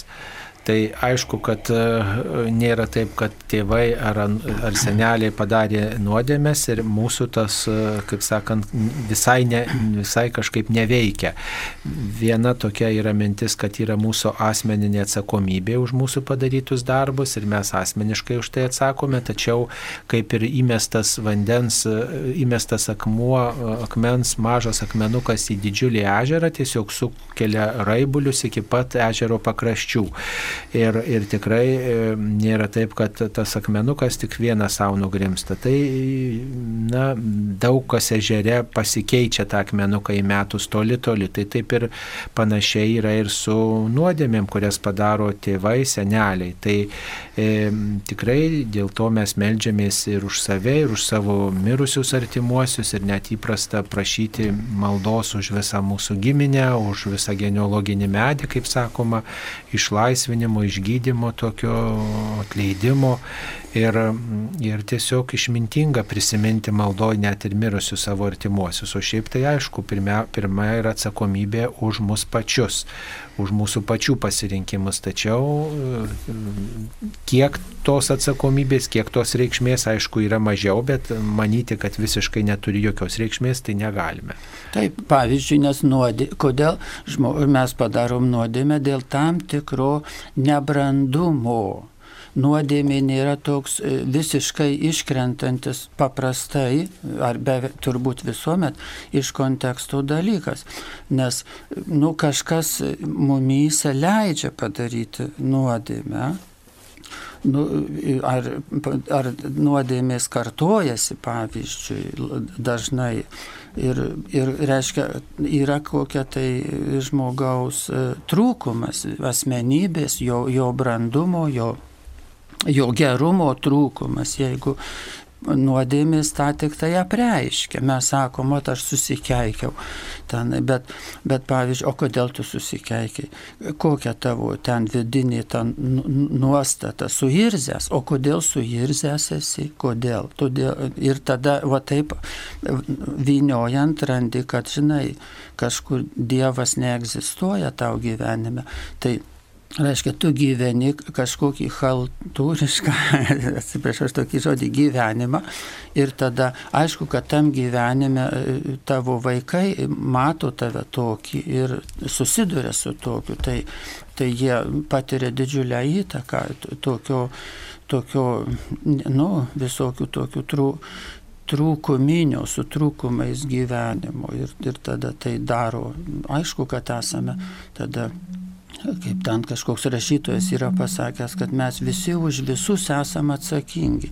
Nes ne tik, nu, aišku, šeimoje, bet susidurėm socialiai, visuomenėje, darbe su kitais žmonėmis ir, ir visur susidurėm, komunikuojam, kalbam, pavyzdžiui, bendraujam ir jeigu nesam, nesam arba tiek, kiek esame į Dievą įsigilinę, tiek ir prašnekam atitinkamai. Taip, ačiū. Mm, dabar e, dar viena žinutė. Ar Marijos radijas padarytų sinodinį svarstymą per Marijos radiją panašių principų kaip ši laida?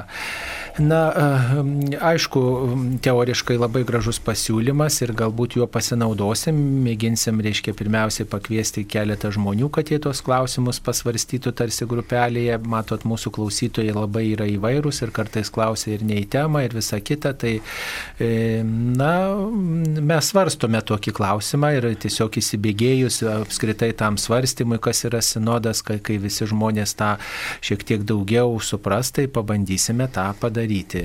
Galbūt pavyks, pavyzdžiui, aktualių laidos metu. E, dar viena žinutė, trumpai gal atsakysime. E, vienas kunigas viešai išreiškė nuomonę, kad kalėdų tokių, kokios jos tapo šiandien, nebaisu prarasti, kad mes švenčiam ne tokias kalėdas, o gimimą. Dabargi yra net inicijuojamas parašų rinkimas kalėdų vardų išsaugoti. Ką manote jūs? Na, ką manote mes, ką manome mes. Kalėdų, numatot, aišku, kad yra tam tikros jėgos, kurios nori įstumti krikščionišką e, žinę iš, iš gyvenimo, nori ignoruoti ir krikščioniškas vertybės, ir darybės, ir, ir Kristų, ir bažnyčią, tas kažkam yra neparanku.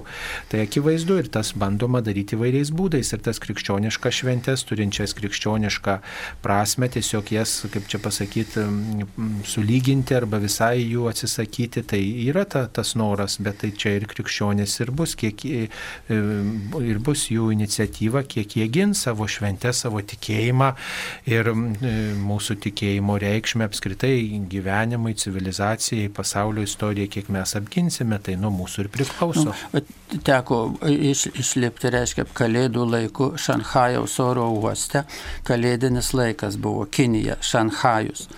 Ir reiškia, iš karto visur, kur eini, visur kalėdinės giesmės, ang, angliškos tos melodijos, kur pas mus dabar jau paleidžiamos dar čia, dar čia prieš eilę metų. Reiškia, ir aišku, ir, ir dabar, ir kin, Kinija, kuri nieko bendro neturi, sakytume, nu, e, iš esmės reiškia su krikščionybė, kur krikščionių mažuma ir, ir komunistinė santvarka. Bet dėl komercinių dalykų jie leidžia kalėdinės giesmės kalėdų laiku ir tokį sudaro, kadangi daug vis tiek europiečių tenai atkeliauja ir jiem patiem galbūt ir tu gali, nu, atokiai būti nuo krikščionybės, bet ką tau tos kalėdos kliudo? Jiems, vad, nekliudo, a, tai aš paėmiau Kiniją, bet ką kalbėti apie ten Japoniją, ar kur, kur laisvos šalis. Tai čia kažkokią kompleksą, kokį žmonės turi, jeigu jie negali, žinai, europiečiai, pas, jiem kliūna, kad čia kalėdos. Azijos kultūroms nekliūna, jie džiaugiasi, kaip, kaip įdomu, reiškia, europietiška, krikščioniška šventė. Nu ir mes, Azijos žmonės, galim paminėti, reiškia, jokių problemų neturim. Net tas giesmės kalėdinės galim paleisti, kad jos skambėtų. O, o ši čia tokia, nu čia kaip tam tikro melo aspektai yra, reiškia, pan įvardinkim kitai, bet tai tos kalėdų šventės jos, jos nu, remiasi krikščioniška tradicija Kristaus e, gimimo šventė tokia švesta ir todėl jie atsirado. Tai čia dabar tą neikti, tai toks einam tada į, į melavimą. Ir po to eina tas melavimas apie žmogų, apie žmogaus lytiškumo visokį. Yra melai tokie, e, eina iki to, kad reiškia galima pakeisti lytį, toks posakis yra, kur iš tikrųjų Tu gali žmogui pridaryti operacijų, bet tu nepakeisi jo lyties. Tu gali jam ką nors ten sugadinti jo organizmą, legalizuoti to, tas operacijas, bet žmogus, jeigu jis gimė moterimi, jis, jis gali atrodyti kaip vyras, aptvarkytas arba suluošintas, pasakytum, bet jis vis tiek liks e, savo, moteris liks moterim, atrodanti vyriškai arba vyras bus moterimi atrodys, bet jo vidiniai organai E, yra vyriški ir jis liks vyrus pagal savo struktūrą, tai, tai tas lyties keitimo operacija nėra tokio galimybė, yra lyties kažkokio suluošinimo operacija, čia teisingas pavadinimas būtų. Ir daug tokių žodžių šiandieną jie legalizuoti, vartojami, kur, kurie yra melagingi žodžiai iš tikrųjų arba kaip mūsų vatvyskupas gražiai ir išvalgiai pasakė, reiškia, yra tikros žmogaus teisės ir yra išgalvotos žmogaus teisės. Šiandieną, kai kalbama tokiam viešajam diskurse, apie žmogaus teisės, tai, tai labai dažnai manipuliuojama. Ir tas manipuliavimas yra melagystės forma. Manipuliuojama apie žmogaus, sako, čia žmogaus teisės. Bet ar jos tikros, ar jos išgalvotos tos teisės? Ir dažnai didelis, žinai, interesas yra stumti kažkokias išgalvotas žmogaus teisės, o tos, kurios tikros žmogaus teisės, jos, jos žinai, nu, nėra kažkokio intereso jomis rūpintis. Tai, tai čia, va taip reikia mums aišku, kad susiorientuoti. Taip, ačiū, dabar padarysim pertrauką. Čia Marijos radijas. Mėly Marijos radio klausytojai, dėkojame už bendrystę ir šį trečiąjį Advento sekmadienį gruodžio 12 dieną kviečiame susitikti su Marijos radio atstovais ir paremti auką Marijos radiją šiuose bažnyčiose. Vilniaus šventų apaštalų Petro ir Povilo bažnyčioje. Kauno Kristaus prisikėlimo bazilikoje, Kauno Kristaus prisikėlimo mažojoje bažnyčioje, Kauno švenčiausios mergelės Marijos rožančiaus karalienės Palemono bažnyčioje, Marijampolė Švento Arkangelo Mykolo bazilikoje, Jurbarko švenčiausios trejybės bažnyčioje, kur lankysis radio direktorius kunigas Saulis Bužauskas, bei Pakruojo Švento Jono Krikštytojo bažnyčioje. Gruodžio 13 dieną pirmadienį Šiluvo švenčiausios mergelės Marijos gimimo bazilikoje gruodžio 14 dieną antradienį Vilniaus Šventojo kryžiaus atradimo Kalvarijų bažnyčioje. Dėkojame, kad remiate evangelizacinį darbą.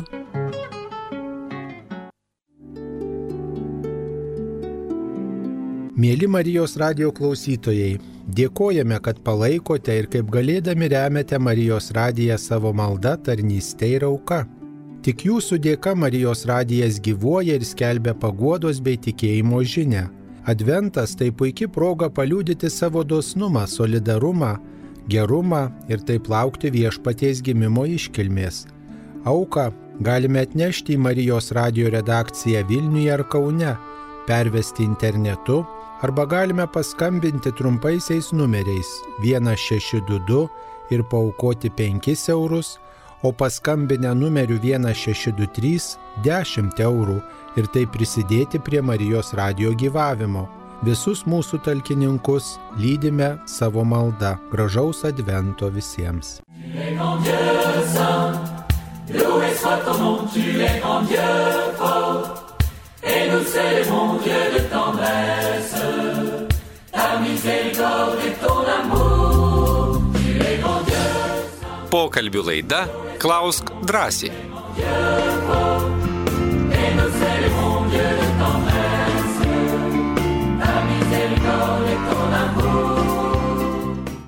Mėly broliai seserys, mėly klausytojai, tęsėme laidą Klaus drąsiai. Šioje laidoje dalyvauja kunigas, profesorius, habilituotas daktaras Romualdas Dulskis ir aš kunigas Saulis Bužauskas. Taigi, štai e, tokia žinutė.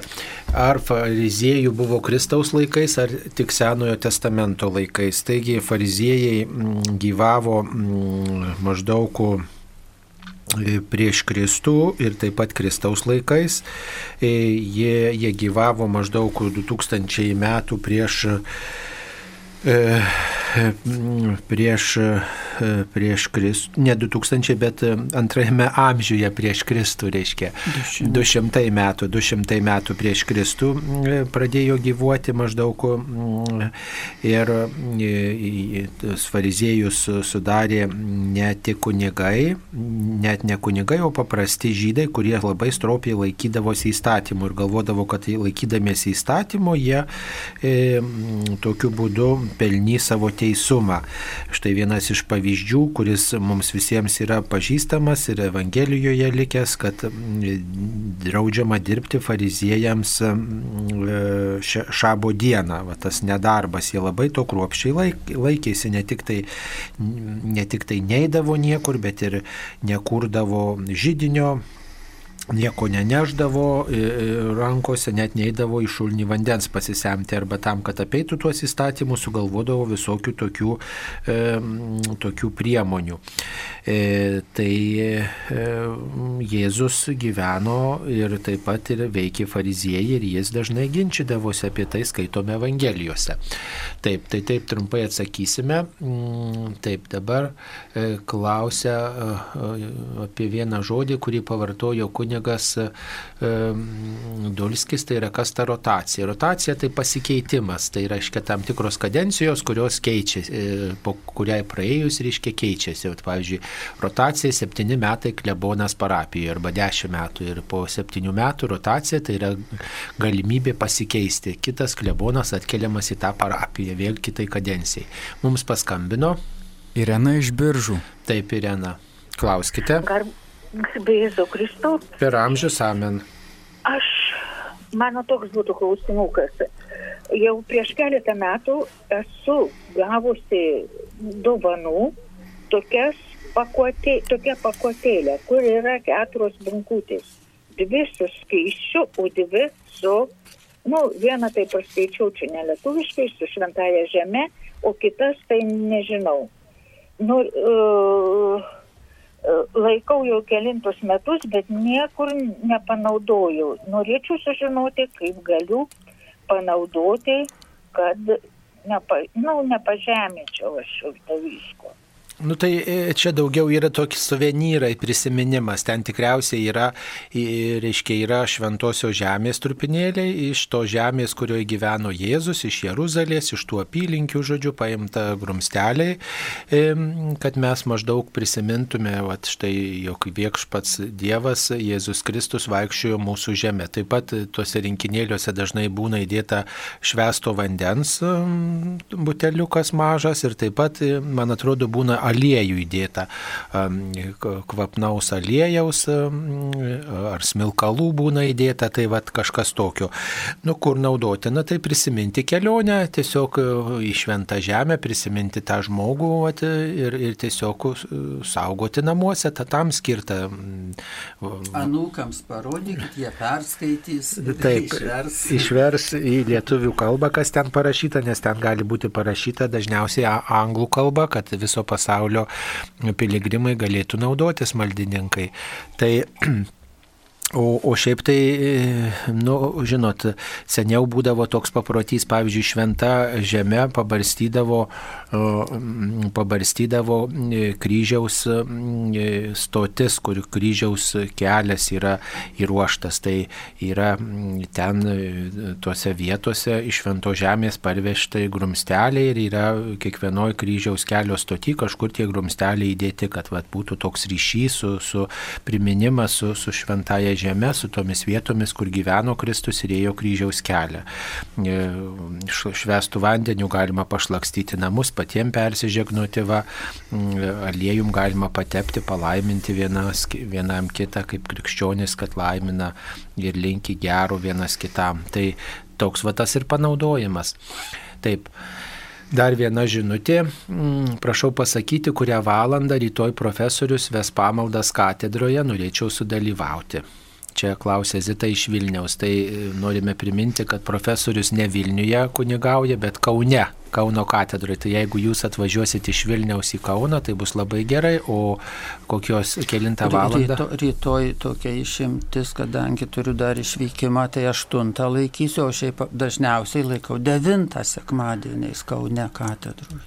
Taip, tai mm, maloniai kviečiame dalyvauti mm, šventose mišiuose. Aišku, geriausiai dalyvauti savo parapijoje, tačiau kartais mes vykstame ir į kitas tam, kad galėtume, tam, kad galėtume susipažinti su įvairiomis vietovėmis ir dalyvauti pamaldose kažkur kitur, susitikti su kitom bendruomenėm. Kokie bus ateinantys metai, turiu omeny liturginiai, kam jie skirti, šie buvo Juozapo. Na tai tema liturginiai metai, tai jie, kaip čia pasakyti, jie, jie liturginiai metai yra iš tokio C ciklo yra e, metai, bet tem, tema tai švento šeimos metai. Šeimos metai buvo švento Juozapo iki gruodžio 8, o štai iki vasaros pradžios, iki birželio pabaigos maždaug vis dar tęsiasi šeimos metai. Va. Ir, ir galbūt dar ar Lietuvos viskupai, ar popiežius sugalvos dar kažkokią iniciatyvą, sunku pasakyti, kol kas apie tai nieko neužsienio užsiminta, tačiau dabar visas dėmesys yra į šeimos metus ir į sinodą, kuris vyksta šiuo metu visoje bažnyčioje. Tai, tai didžiausia tokia aktualija ir e, dėrėtų mums visiems kažkaip į tai atsiliepti. Mums paskambino. Zita iš Klaipėdos. Taip, Zita, klauskite. Garbė Jėzui Kristui. Per amžius. Mano klausimas labai svarbus, man atrodo, ne tik man vienai, bet ir daugeliui klausytojų laidojimo tema yra kapas, yra dvivietis kapas platus ir prieš keturis metus vienoj daly palaidota yra. Dabar kita dalis, ta kur laisva, ar galima ten įrengti vietą urnai. Tik jūs galit pasakyti, tik jūs tik tai pas jūs. Gal koks pastebėjimas, gal. Taip, ačiū, supratome. Be abejo, jeigu yra kelių vietų kapas, tai dažniausiai tiek žmonių yra ir laidojama. Kai yra, e, kai yra pavyzdžiui, jeigu viena vieta laisva, tai aišku, kad galima ir urną laidoti, ir karstą galima laidoti. E, čia problema turbūt būtų tada, jeigu yra dvi vietos užimtos, pavyzdžiui, kaip sakoma, dvi vietis kapas ir, ir, ir jau du karstai yra ten palaidoti ir štai vat mirė dar vienas to šeimos narys, galbūt netikėtai mirė ar panašiai ir dabar svarstom, kurį palaidoti ir tada sugalvojom, galbūt galima laidoti toj kapavietį, kur yra dvi vietos jau palaidoti du žmonės, bet ten jau palaidoti ir gal nepraėjo 20 ar ten 30 metų, kiek pagal valstybinius įstatymus yra nustatyta ir ką daryti. Ir tada štai kažkam toptelėjo mintis, reikia žmogų sudeginti ir galbūt galima urną laidoti. Tai čia reikėtų kalbėti su tom tarnybom, e, kapų tarnybom, kapų priežiūros tarnybom ir, ir, ir, ir tiesiog galutinai tą sprendimą jie padės priimti. Tačiau aš manyčiau, kad jeigu net ir nepraėjo ta numatyta, numatyta metų, e, metų, metų skaičius, tas manyčiau, kad urną galima būtų laidoti nes e, nereikia viso, visos tos kapavietės išardyti vienoje vietoje, tik tai maža tokia duobelė prakasama urnai ir jinai nėra dviejų metrų, kaip pagal įstatymus nustatyta karstui. Mm, e, tai Tai galima ir seklesnę tą duobutę iškasti urnai, manyčiau, toks, toks, toks variantas yra galimas, tačiau tą reglamentuoja dažniausiai kapų tarnybos. Bet iš tokios tikėjimo perspektyvos tai tikrai galima laidoti toje vietoje, kur palaidotas žmogus, mano giminaitis ar šeimos narys, ten galima laidoti ir kitą. Taip. Ar nukenčia parapiečiai, kai kunigai rašo knygas? Turėtų rašyti tapę emeritais, įgyję patirties ir daugiau laiko skirtų tikintiesiems. E, ką kunigė apie tai manote? Ar nenukenčia parapiečiai, kaip prašo? Tai, tai galima ir tokį klausimą klausti, ar nenukenčia žmogus skaitydamas knygas. Gal reiktų skaityti, kai išeini į pensiją, tada knygas, eiti į universitetą mokytis, tada kai į pensiją išeisi, o kol, kol jaunas, tai ta, ką tu svarbesnio daryk negu tai kas, tai čia iki absurdo galim tada nuveiti.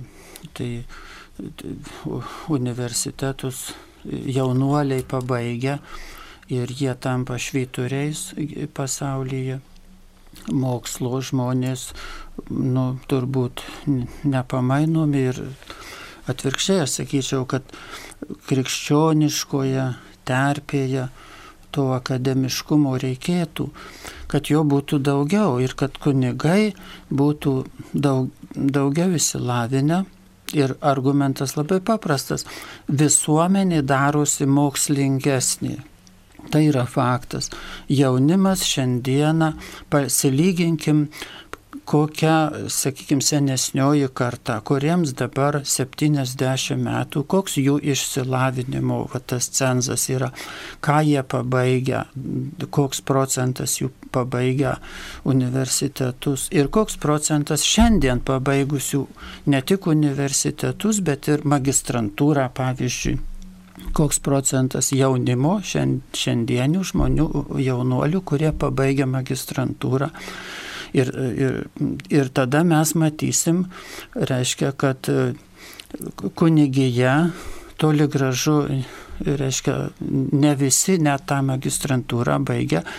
Ir reik, turbūt skatintina, nu, kad neatsiliktų. Pavyzdžiui, referentės, kurios dirba merginos, moterys parapijose, jos jau čia seniai europinių lygių pastebėta, kad jos aukštesnio išsilavinimo negu klebonai klebonai turi statusą, jie valdo parapiją, bet jų įsilavinimo lygis yra žemesnis už tų pagalbininkų, kurie pabaigia teologiją aukštesniais mokslo laipsniais ir ateina į parapiją padėti. Ir tai, nu, tai iš tikrųjų tai nėra, nėra labai gerai, nėra normalu. Ir, ir visa visuomenė, bet dar svarbiau, kad visa visuomenė darosi e, mokslingesnė, o bažnyčia tą dar, nu, kaip sakant, baisu, kad nepražiopsotume tą momentą. Ir ne tiek tų kunigų gal reikia daug, bet kiek, kaip sakome, tos kokybės, ta kokybė, aišku, kad čia dvasinis gyvenimas yra pir, pirmas dalykas, kad Dievas būtų svarbus kunigui. Bet galbūt antras dalykas yra įsilavinimas, mokslingumas, akiratis. Dėl to, kad jeigu, jeigu žmogus yra siauro žvilgsnio, tai nu, jis nelabai gali tada arba mažiau gali padėti ir ta jo sielovada tokia siau. Siaur, visur tas siaurumas ir sielovado, ir, ir bendravime su žmonėmis. Tai Dievas yra išminties Dievas ir, ir, o visas funkcijas tokias atlikti tą, atlikti aną, palaidoti tą, tenai ką nors padaryti aną, tai čia yra tik funkcijos, jas sakyčiau, nu jas galima kaip nors, žinai, su išvalga sugalvoti, kaip visą tai galima ir dar geriau atlikti, bet svarbiausia, kad būtų bažnyčioje, kunigijoje ta, tas e, šventumo, išminties e, branduolys, tas susistiprintų. Taip ačiū, kodėl jau trys šeštadienį negirdėt kunigo Juozapo Marijo Žukausko balso rytais. Mm, taip negirdėti, nes jis yra išvykęs, kaip jisai grįž iš kelionės, tai, mm, tai tikrai galėsite girdėti. Tai ačiū, kad jūs tokie pastabus, malonu, kad reaguojate.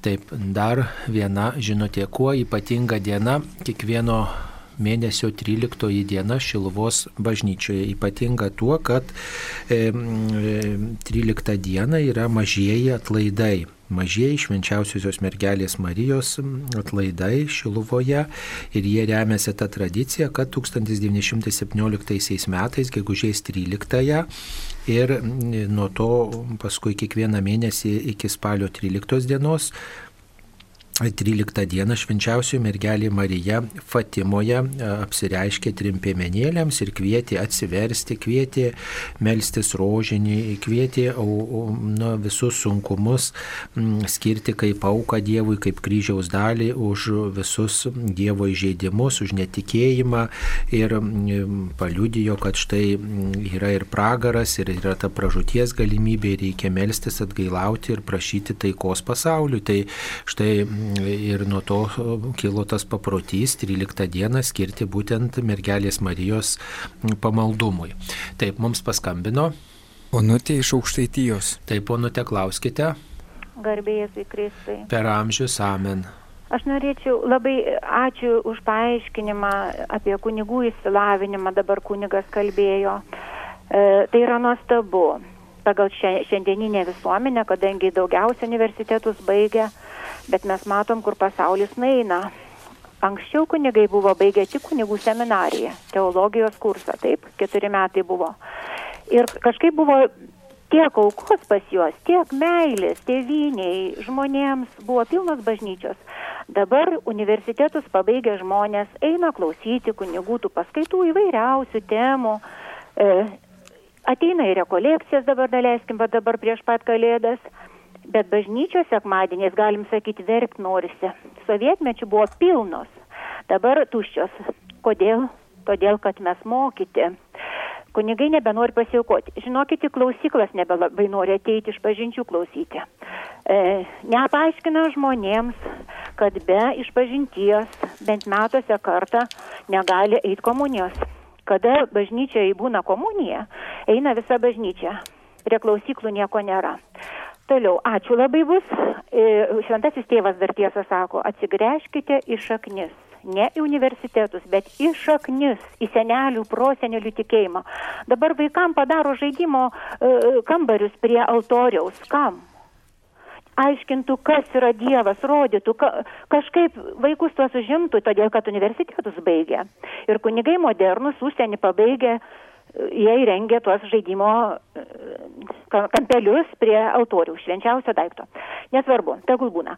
Dabar labai norėčiau dar kunigo Bužausko paklausti ir paprašyti, būkit malonus kunigė, pakvieskit kunigą Pukenį, pabaigęs tiek mokslo, tiek idėjas darbo, Taip, aukos, padėjęs sveikatą, bažnyčiai, negirdime jo visiškai, visą aukštaityje prašom. Ačiū Jums labai. Taip, ačiū, būtinai pakviesime, jeigu tik tai jo sveikata e, leis, jeigu jisai pats norės, sutiks, tai būtinai, nes matot, ne tik nuo manęs priklauso ir nuo to e, kunigo, kurį kviečiame, ir jisai sutinka dalyvauti mūsų savanorystės radijoje.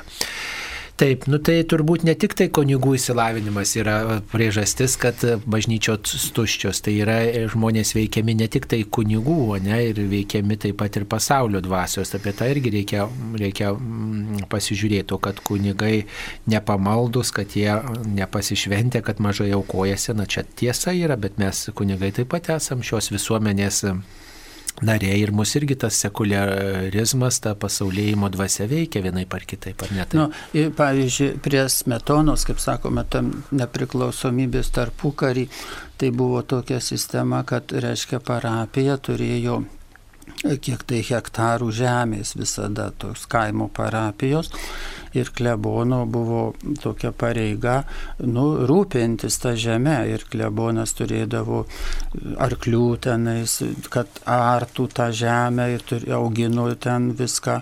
Ir jis ūk, ūkininkas toksai buvo, nes nu, reikėjo iš to jam pragyventi, jam ir parapija iš to ūkio.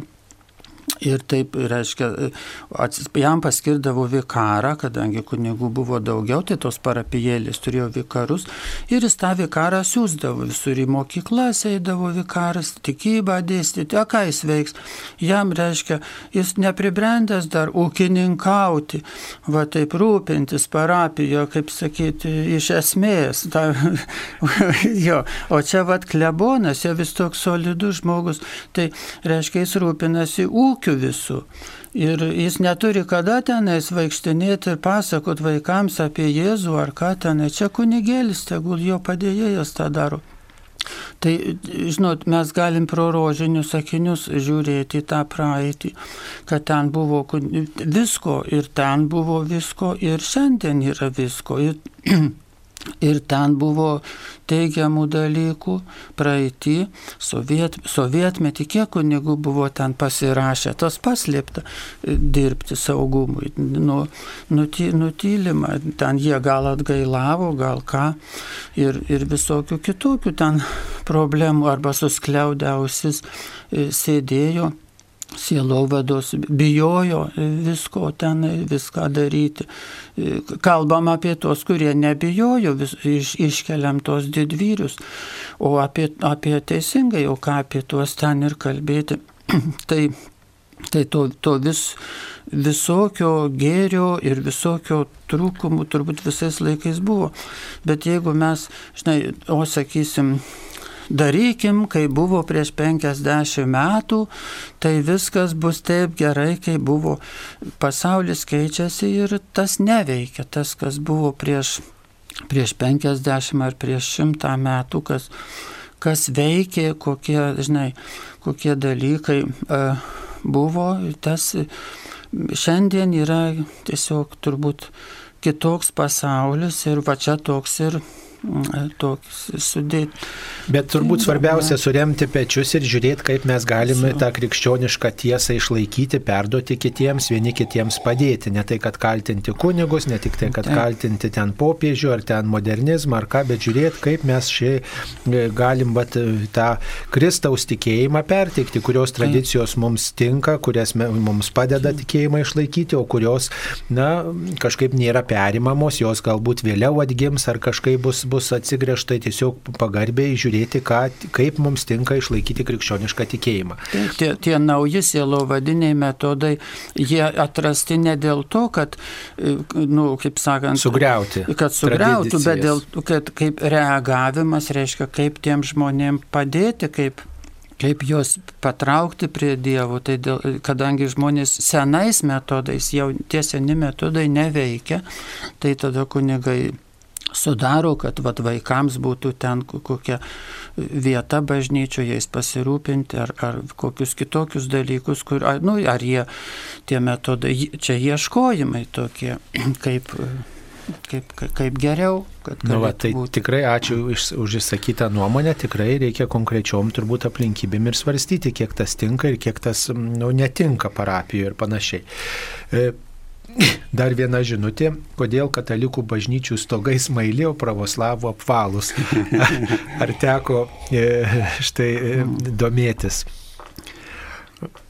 Turbūt tas apvalus pravoslavų bažnyčios stogas e, yra e, padarytas tam, kad primintų dangų, reiškia, yra viduje, taip ta bažnyčia suprojektuota pravoslavų cerkviai, kad štai tas kupolas primena dangų tiesiog ir, ir tokia mintis yra, kad mes e, keliame savo širdį į dangų, reiškia, o katalikų bažnyčių dangų primena ne bažnyčios kupolas, bet presbiterija ministerijoje e, virš altoriaus esanti dalis, reiškia ten vadinama glorija, net tą pavadinimą tokį turi, reiškia pagrindinis altorius ir virš altoriaus esanti tokia vieta, ten dažniausiai būna apvaizdo simbolis arba švenčiausios trejybės koks, koks ženklas ar dar kažkas ir ten vat, dangaus tokia, tokia užuomina į dangų. Vat, tai tiesiog skirtingas dangaus vaizdavimas, turbūt skirtingi, skirtingi stiliai yra juk ir katalikų bažnyčios yra skirtingos, yra gotikinės, yra um, Yra to renesanso stiliaus, yra neogotika, va, yra modernistinio stiliaus, yra klacisistinės bažnyčios, va, ir, ir, ir visokie kitokie stiliai, ir, ir, ir tie bažnyčių bokštai truputį kitokie, bet e, niekuomet nėra bažnyčios bokštas, kad jis vaizduotų iškia dangų, kitos erdvės tą išreiškia. Nu, tai skirtingi traktavimai turbūt yra. E, štai e, čia ir tam tikra prasme, kad tą kitoniškumą pabrėžtų. Kažkada buvo ta slinktis tarp krikščionių, reiškia, kaip mes kitaip tikime, kad mes net kartotume tų kitokių, ne? O dabar yra kaip tik tai tas požiūris, o kas mus vienyje, ką mes bendrai galime atrasti, kas tarp mūsų bendro, va tai skirtingi tokie akcentėliai. Taip, kaip paaiškintumėte dangaus karalystę čia žemėje? Manau, kad tai būsena, ar kaip amžinybėje, būsena be jūslių jausmų, meilė, kuri mato širdimi. Gal tai nepatogus klausimas. Tai dangaus karalystė, aišku, kad tai ne tiek gal būsena, kiek nuostata turbūt, ne nuostata gyventi taip, kaip moko viešpats gyventi nesavanaudiškai, gyventi pasiaukojančioj meiliai, gyventi Dievą statant į pirmą vietą. Va, ir, ir tai yra, nu, jeigu norite būseną, jeigu jūs tokioj va būsenoje esate, tokioj nuostatoj, tokiam pasirinkime ir taip gyvenate, tai jūs jau tą dangaus karalystę kuriate. E, tai iš tiesų meilė, meilė, kuri, kuri nu, ne tik širdimi mato, bet kuri ir, ir yra ir, ir akimis pamatoma kartais, kai žmogus nesavanaudiškai padeda kitams, jau yra dangus. Taip, e, mums paskambino. Mums paskambino pas... Joana iš Kretingos. Taip, klauskite. Klauskite, Joana, klauskite, būkite gera. Nelabai girdam. Girdam, mes jūs girdame, Melonė. Girdim žemaitėlę, klauskite. Ar čia Joana? E, taip, taip, klauskit, klauskit. Šitą jūs dabar. Per amžius amen. Aš noriu paklausti, kaip man geriau elgtis, ar į bažnyčią, apar televizorių žiūrėti e, mišęs, kad aš nieko nesuprantu, kol sako kunigėlis, aš esu tokia apkortusi deblė su žmogu, kas neko teisė, aš susišneku, o jau išaliais kas nors, ar vaikas suvažiavo, šneka, aš nieko nesuprantu, taip ir į bažnyčią nuėjęs, aš nieko nesuprantu. A, gerai, gerai, gerai, tai atsakysime.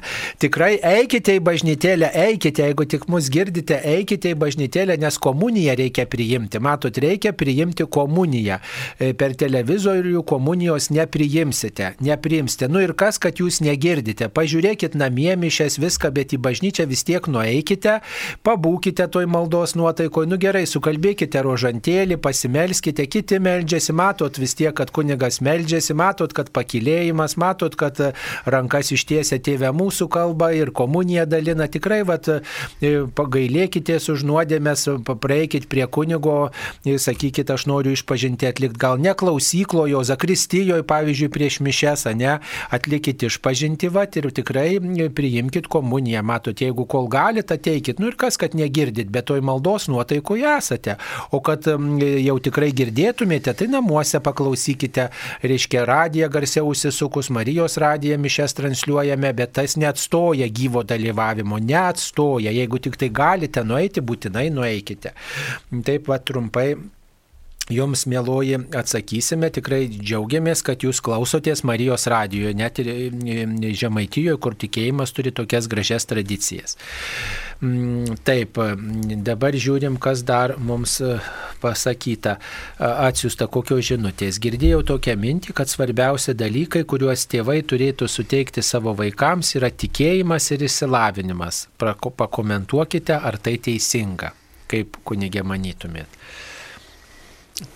Tai, tai, tai, tai taip, tai didžiulė laimė, sakoma, kažkokio išmi, išminties, kokio tai taut, ne mūsų gal tradicijoje, bet tik, tikras dalykas, kad uh, reiškia didžiulė laimė, jeigu vaikas gimsta tikinčių tėvų šeimoje, e, praktikuojančių, kaip sakome, ne, ne, ne taip, kad pripažįsta, kad Dievas yra, bet žmonės, kurie gyvena tėvai tikėjimu ir, ir nu, meldžiasi, gilinasi, suprasti e, tikėjimo dalykus arba, va, kaip čia klausi, tokią Dievo karalystę kuria savo, savo širdyse bręsta kaip asmenybės Dieve, Dievo šviesoje. Ir tada natūralu, kad vaikai vaikams tas perduodama ir, ir žodžiais, ir kasdienybė tokia paprasčiausia, paprasčiausių tokių, tas, tas, tas gerumas, tas, tas natūralus tikėjimas, jisai kiekvien, kiekvienam, sakytume, epizodė gyvenimo, šeimos gyvenimo matosi ir, ir vaikai tą, tą perima. Tokio, čia vertybės, galima būtų žodį pavartoti, tokias vertybės perduoda reiškia, ką vertinti gyvenime, ką vertinti.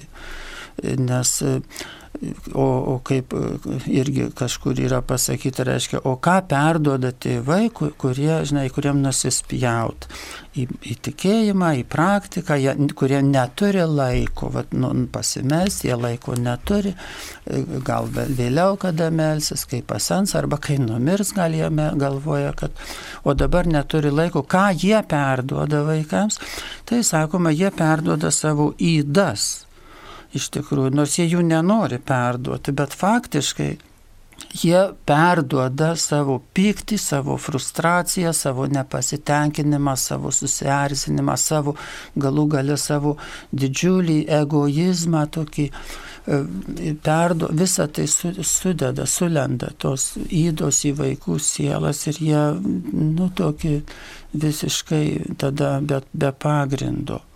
O įsilavinimas, nu, kadangi Dievas yra išminties šaltinis, tai Išsilavinimas jis nėra tik žinios, bet taip pat gebėjimas, sugebėjimas kritiškai vertinti. O pasaulyje dabar labai daug, daug visko, daug visko, YouTube, tam, kur turbūt jaunimas mėgsta ir vyresni, nu, ir ten gerų dalykų yra. Visam internete yra gerų ir blogų dalykų, bet reikia, nu, tokio gebėjimo ir noro, aišku, noro turėti atsirinkti, kas gera ir, ir daug ką gali išmokti tenais. Daug ką vertingo paklausyti, daugybė vertingų dalykų sudėta į internetą ir daugybė šlamšto. Tai to tą išsilavinimą reikia taip turbūt irgi suprasti, kad jis žinių duoda, bet duoda tokį gebėjimą orientuotis, vertybinį gebėjimą kas, kas e, ko, ko verta siekti, kas, kas yra tikrosios gyvenimo vertybės ir, ir kas yra tokie, žinai, beverčiai dalykai. Tai taip, turbūt galima tai pritarti.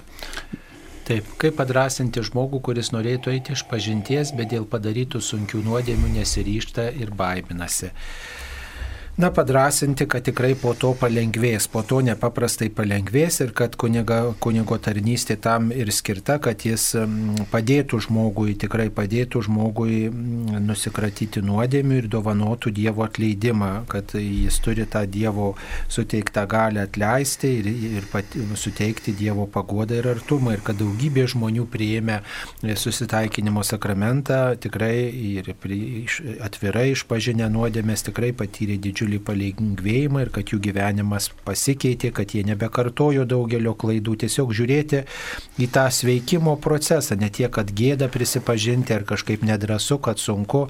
Tikrai kunigas tam ir sėdi klausykloje, kad išgirstų nedorybės, bet, bet kad matytų, kaip žmonėms išydų, kaip jie nori kilti išydų, kad matytų, kokie žmonės vis dėlto pasiryžę keistis. Tas yra labai gražu. Gražiausias dalykas, kad žmogus nori keistis. Kunigui, vad klausant iš išpažinčių, tas noras pakilti iš nuodėmių. Ir, ir tiesiog svarstyti apie tą gyjimo procesą, apie tą atleidimo kelią. Ir nu, tiesiog eiti kartu iš pažinties, prieiti pir, pirmam gal jums, ar kaip tos iš pažinties, o paskui tas kitas žmogus prieis, ar ką, vat, nu, tiesiog padrasinti, kad čia yra labai gyjimo procesas, kaip sakant, gal nemalonu, kaip sakant, įvardinti sunkius dalykus, bet yra gera nuo jų atsikratyti. Mums paskambino. Onutė iš Kauno. Taip, Onutė, klauskite.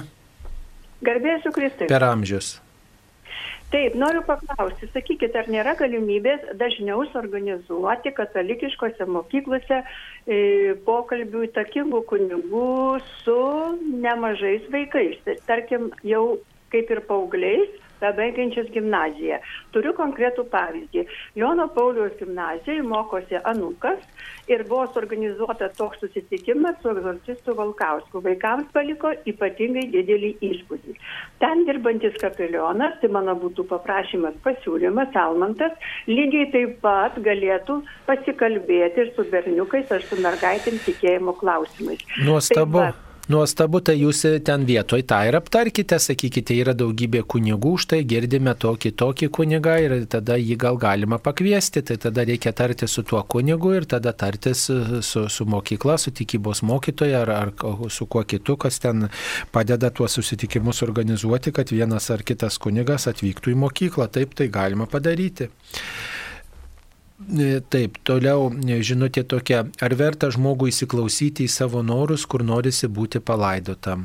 Taip, kodėl ne, verta įsiklausyti, verta pasakyti tai savo artimiesiems, tačiau palikti reikia ir jiems atviras rankas, kaip sakant, kad, kad jie elgtųsi taip, kaip jiems atrodo tinkama. Ne, nesureikšminti to kūno palaidojimo, bet žiūrėti savo sielos ir rūpinti savo sielos likimu labiau.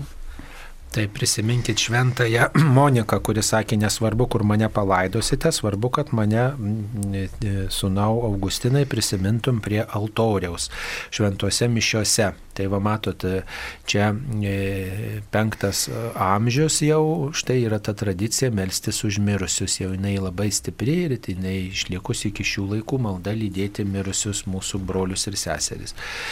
Taip, mm, noriu paprašyti, kad paaiškintumėte, kuo skiriasi garbinimas nuo šlovinimo. Ar galima šitus mm, dalykus atskirti, kaip manot, kunigė? Taip, taip, čia yra, yra kaip sakant, galima ir, ir sa, savaip interpretuoti. Mat, kiekvieną savoką gali interpretuoti savaip. Tai čia irgi vienas, e, kaip sakant, yra kalbėtojų arba rašytojų yra laisvė e, su kokiu žodžiu jie ką susiję ir, ir visi žmonės, ot ką nors, jeigu mes ką nors sakom, tai ką mes, ot, jūs pavyzdžiui, kai jūs sakot garbinu Dievą, ką tai reiškia jūsų, jūsų supratimu, ką jūs turit, nori, turit minti. Bet šlovin, čia toks turbūt e, skirtumas e, atrodytų katekizme ar toks liko oficialesnis, tai šlovinimas toks ne, nesuinteresuotas visiškai dalykas, e, kiek aš atrodo skaičiau, kad suvokiama taip, kad reiškia Dievą šloviname, kada tiesiog džiaugiamės jo paties kokybėmis. Pavyzdžiui, sakoma, tu šventas ir dėl to aš lovinu tave. Tu be galo geras, toks gėrio šaltinis ir aš lovinu tave dėl to gėrio. Tu išmintis begalinė ir šlovinu tave, tavo išmintį. Garbinimas, lyg norima pasakyti, kad garbinu, nes tu mane pagydėjai tu man davėjai gyvenimą ir aš tave garbinu, tu man šeimą davėjai gerą, aš laimingas, gal laiminga buvau toj šeimoje. Visi numirė, bet tas tos laimės patirtos niekas neatims. Tu, ta, ar, ar, ir aš dėl garbinu lyg už, už Dievo patirtas, reiškia, gerybės, vat, tai šiek tiek kitokia nu, motivacija. Ar, mm. Nu tai paprastai tas šlovinimas priskiriamas tokiai e, aukštesniai, kad jeigu šlovė sako, tai čia jau viskas, jau viskas, kas, kaip galiu labiau e, išreikšti savo pagarbą, meilę, pripažinimą, tai yra aukščiausias toks pripažinimo, pagarbinimo ir pašlovinimo toksai būdas, ar ne? Bet čia tas skirstimas toks diskusinis turbūt yra. Šiaip tai yra labai artimi žodžiai, iš esmės tai, iš esmės tai čia tik tai labai tokie jautrus niuansai, kuriuos turbūt tik tai, nu, tik tai tam tikri žmonės gali atrasti. Šiaip tai mūsų, kaip sakyti, turbūt santykiui su Dievu, turbūt esminio, esminio, esminės tokios reikšmės neturi. Ir aš garbinu ar aš šlovinu. Vis tiek kalbu apie tą patį, iš esmės apie pirmumo teikimą, apie pagarbos parodymą aukščiausią prasme. Ta, tas taip, ypač jeigu apie savokas kalbant, nes žmogus, ką jisai sako, aš lovinu ar aš garbinu. Pavyzdžiui, garbiname, sakom, per adoraciją Dievą garbiname. Ir tas garbinimas dažnai yra toks visiškai net suinteresuotas. Žmogus ateina adoru arba adoruojame, sakom. Tai adoruojame švenčiausią sakramentą. Visai nesuinteresuotai. Bet, e, reiškia, du, dvi tos prieigos, kad galime Dievą nesuinteresuotai adoruoti arba jam lyg dėkodami už ką nors adoruoti. Ir tada čia toks truputėlį skirtumas susidaro vidinis, nes tas už ką nors, tai arba žmogus sako, nu aš neturiu už ką, pavyzdžiui, taip nesugalvoju už ką, nes taip nejaučiu ko nors. Tai čia toks yra tam tikras gal gal tam toksai, vat, mes lyg norim iš Dievo visada ką nors gauti. Gau, žinai, Dieve padėk, Dieve suteik, Dieve padėk.